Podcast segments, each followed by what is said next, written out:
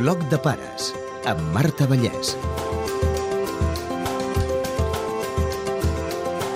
Avui parlem de com prevenir lesions que habitualment pateixen els infants. Ho fem amb el doctor Carles Luaces, cap del Servei d'Urgències de l'Hospital Sant Joan de Déu.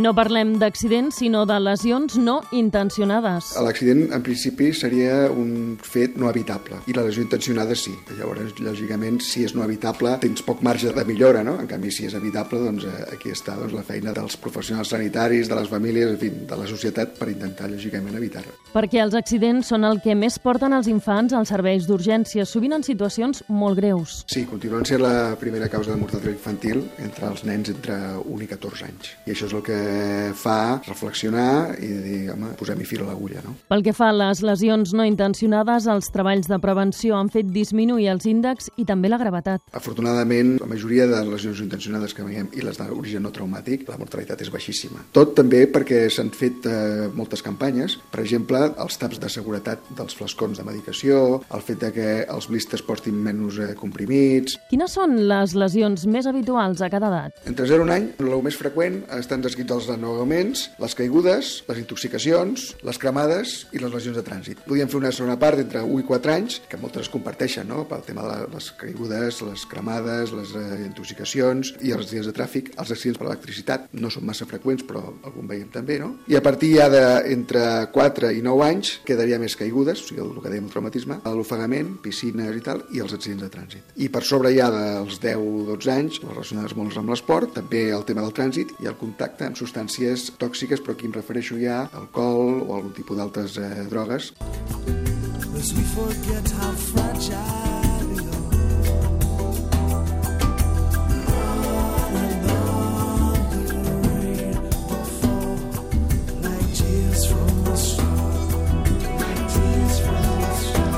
Hi ha alguns casos que són clarament evitables. Per exemple, amb els grups de més petits, les intoxicacions no són massa freqüents, potser no arriben a un 1% de les visites, però aquestes, diguéssim, per dir-ho així, ens fa molta ràbia, entre cometes, no? perquè són les que potser són més evitables. El fet de guardar bé els medicaments, el fet de no canviar els productes del seu envàs original, són coses tan elementals, tan bàsiques, que realment et sap greu aquest tipus de, de consultes, perquè realment haurien de ser pràcticament inexistents. I algunes distraccions que desencadenen moments dramàtics. Com a situacions una miqueta dures a vegades, doncs, bueno, nens que han tingut problemes greus, a lo millor per la ingesta d'una molla de pa que es queda aquí, o recordo un cas amb una aspirina, se't queda aquí a la boca, queda com enganxada. Llavors aquestes coses, doncs, hi ha gent que no, no hi pensa, no, no hi atina, no? El típic nen que a la banyera es dona cap per avall. I què ha passat? Ho de sempre. Re, ha sigut un moment, ha sonat el telèfon, m'he donat la volta i tal. O em vaig girar a agafar no sé què, es repeteix una i una altra vegada, no? Com els cinturons de seguretat amb els trajectes curts, que estem farts de sentir-ho, que no es col·loquen, o els medicaments prenent les pastilles a taula dels avis o dels pares. Els pediatres adapten els consells a mida que els petits van creixent. Difícilment li has de parlar amb uns pares d'un nen de 3 mesos amb el tema de les intoxicacions, perquè realment el nen serà incapaç. En canvi, a partir de l'anyet, anyet i mig, dos, allò que tots sabem que els nens s'ho posen tota la boca, has d'incidir en això. Quan comença a caminar, has de tenir molt en compte explicar, escolti, ara que comença a caminar, vigili amb els traumatismes. No? Quan el nen no es mou, que té un mes, no hi ha problema, però quan té 3 i es comença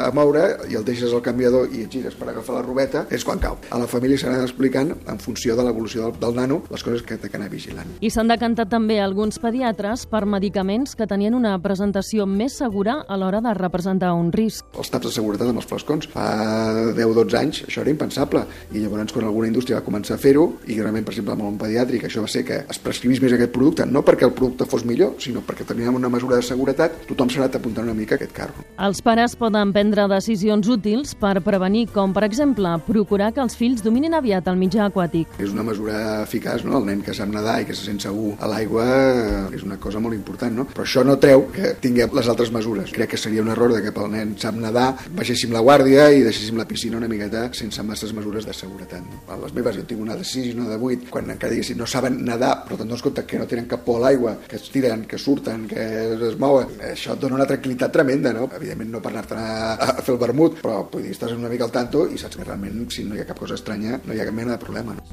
Ungles brutes i un. L'Hospital de Sant Joan de Déu participa al projecte EMER, que és un pla educatiu impulsat per diferents entitats i que vol ensenyar als nens i també als adolescents com han d'actuar davant d'una emergència. Al centre hi van fer una jornada i va ser un èxit. Forma part del projecte EMER. Estàs incidint no solament en la família, sinó en el propi nano de què haig de fer. Inclús se'ls va passar un test amb diferents opcions de dir, si em dono un cop, què haig de fer? Si hi ha foc, què haig de fer? Això té un gran valor, perquè és allò de, bueno, les coses que les conegui el propi nano, doncs el pot ajudar moltíssim. Caiguda Cordes, talls, cremades, una pallassa els explicava què fer i què no. Si ens hem cremat amb la planxa, pot ser una cremada uh, que faci molt de mal, eh? Anem a una aixeta i ens posem aigua molt freda, eh? Al munt de les cremades mai posarem pomades, eh? Res de pomada! Què passa? M'ha entregat un cop i m'ha fet molt de mal. Uah! Què hem de fer? Podem buscar una font i et poses aigua, aigua, aigua fresca. Hem de preguntar, aquest gos està vacunat? Aquest tall és profund o no és profund? Sí? Doncs aleshores, si és profund, 112. És com una rascadeta, la tirita i la fem. ¿Y si ya foca a casa? Soy Eva González, soy la directora de la Fundación Fuego. Los niños están con los bomberos. Es fundamental que se les den consejos muy sencillos para poder actuar en caso de incendio, que llamen al 112, que no se escondan. Este es uno de los grandes problemas con este colectivo de niños. Y sobre todo que cierren también puertas y ventanas porque la mayor parte de las muertes por incendio son por intoxicación de humos, no por el fuego en sí. La porta i, i ens arrosseguem per terra perquè el fum puja i respirarem millor a baix. I què s'ha de fer sempre si hi ha fum? Al 112, perquè el 112 és el que porta els bombers.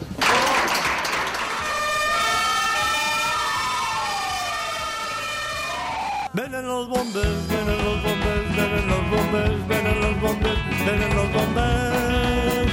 Que esto está que arde. Va ser una jornada de profit, així ho deia una mare. Els contes és una manera no, d'aproximar els coneixements en els nens d'una manera divertida. Una emergència és un moment de tensió i si el nen ja té uns coneixements que davant d'un cop s'ha de posar gel o s'ha de rentar la ferida, tu com a mare o com a adult, poder en aquell moment explicar al nen el que estem fent, el nen ja sabrà el que hem de fer, per tant hi ha més calma. És bàsic sempre activar d'immediat els serveis d'emergències. Moltes vegades hi han comentaris de potser si els serveis d'emergència triguen a arribar per exemple a un accident de trànsit. No? Ell explicava que una cosa tan senzilla com activar la cadena, en aquest cas trucar al 112, que moltes vegades passa una cosa i no hi ha ningú que en aquell moment se li ocurri d'activar això. Llavors, llavors que han trigat una hora, que escolti, l'avís s'ha produït als 40 minuts. Em sembla també important això, no? de que hi ha un, un, un telèfon, que és el 112, que pot donar resposta, pot almenys orientar amb els moments inicials. No seria una prevenció que diem primària, quan dius, escolta, poso una porta a les escales perquè no caiguin, seria una prevenció secundària, ja s'ha produït el fet, el que procuro és que això no empitjori, i això també penso que és important. A menudo los hijos se nos parecen, así nos da la primera satisfacción. Poder veure els casos que arriben al servei d'urgències fa que es pugui incidir molt millor en la prevenció. Nosaltres aquí a l'hospital hem fet diferents treballs, amb ofegats, accidents de bicicleta, els de les cadiretes. Quan tu tens la realitat, tu tens la fotografia, és quan tu dius, escolti, això està passant, això és el, que, el problema que tenim, les solucions han d'anar per aquí. Quan expliques les coses en fred, ens tornem tots una mica adolescents, que vull dir, és allò de dir, a mi no em passarà. I quan dius, escolti, en casa mira els endolls, a la taula, doncs, els cantos, alguna protecció, a la cuina sobretot. Quan ha passat, doncs, home, la gent està una mica més sensible. I llavors hem d'aprofitar els serveis d'urgències, ja que hem tingut la desgràcia de què ha passat, ser positius i dir, miri, la família d'alguna manera, com que en aquell moment està molt més sensible, molt més receptiva a aquests consells, no? I una qüestió que preocupa. Alcohol i medicació. A partir dels 12 o 13 anys ja veiem nanos que estan en aquestes situacions. I és molt dur, eh? A vegades per temes d'estudis o temes de casa o temes eh, del primer noviet o la primera novieta, nanos de 13 o 14 anys que fan alguna ingesta eh, que no toca, no? I l'hospital disposem d'un psicòleg que per aquestes situacions fa la prevenció de dir, no, a veure, si escolta, si ha sigut una rebella de Sant Joan que t'has fotut un cubata de més i això es para aquí, cap mena de problema, no? O bé realment eh, és un inici d'algú més i si a cas parem-ho, no? L'hospital també treballa en la formació dels pares en primers auxilis. Hi ha un aspecte que tothom està d'acord, el que passa que és complicat, no? que tota la població hauria de saber fer unes maniobres bàsiques de reanimació. Perquè bueno, hi ha una cosa molt clara, no? que quan hi ha una situació d'aquestes, el cervell als 4 minuts de no rebre oxigen o queda ja lesionat per sempre o es queda sense resposta. Llavors, això és fonamental. A l'hospital, dintre del que seria el seu programa de prevenció, a part del que fem al servei d'urgències el dia a dia, posat en marxa unes eh, jornades per pares de cada cara a poder resoldre algunes situacions compromeses amb el primer moment. Primer se'ls fa una explicació de les normes bàsiques que s'ha de fer quan un nen doncs, té una parada respiratòria o quan un nen s'anuega, també una mínima explicació de com posar un embenat o com fer una primera cura d'un nen que fa un tall, una cosa d'aquestes, i després els propis pares fan aquests exercicis de reanimació cardiopulmonar bàsica amb uns maniquís, que moltes vegades són absolutament salvadores no, de la situació. Un exemple que va acabar bé. No fa gaire, un eh, que va venir aquí, que no va fer una novament, sinó que, ara no recordo si va fer una hemorràgia, bueno, la mare era metge, va començar a fer la RCP, eh, reanimació cardiopulmonar, al mateix moment a casa, i afortunadament se'n va sortir. Si no hagués sigut així, evidentment aquest nen no hagués tirat endavant.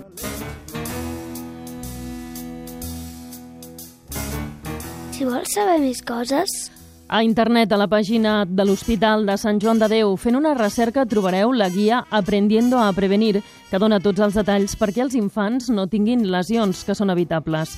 I a la pàgina d'edicionesmayo.es aneu a l'apartat de publicacions i cerqueu amb la paraula lesiones. Hi ha una altra guia molt completa. Finalment, al web educaremergencias.com hi ha tota l'explicació sobre el projecte EMER. Els accidents infantils són la primera causa de mortalitat de 1 a 14 anys, que els podem prevenir i que realment, com són situacions que no podem preveure quan passaran, sí que hem d'estar preparats per fer-hi front perquè ens va la vida dels nostres fills.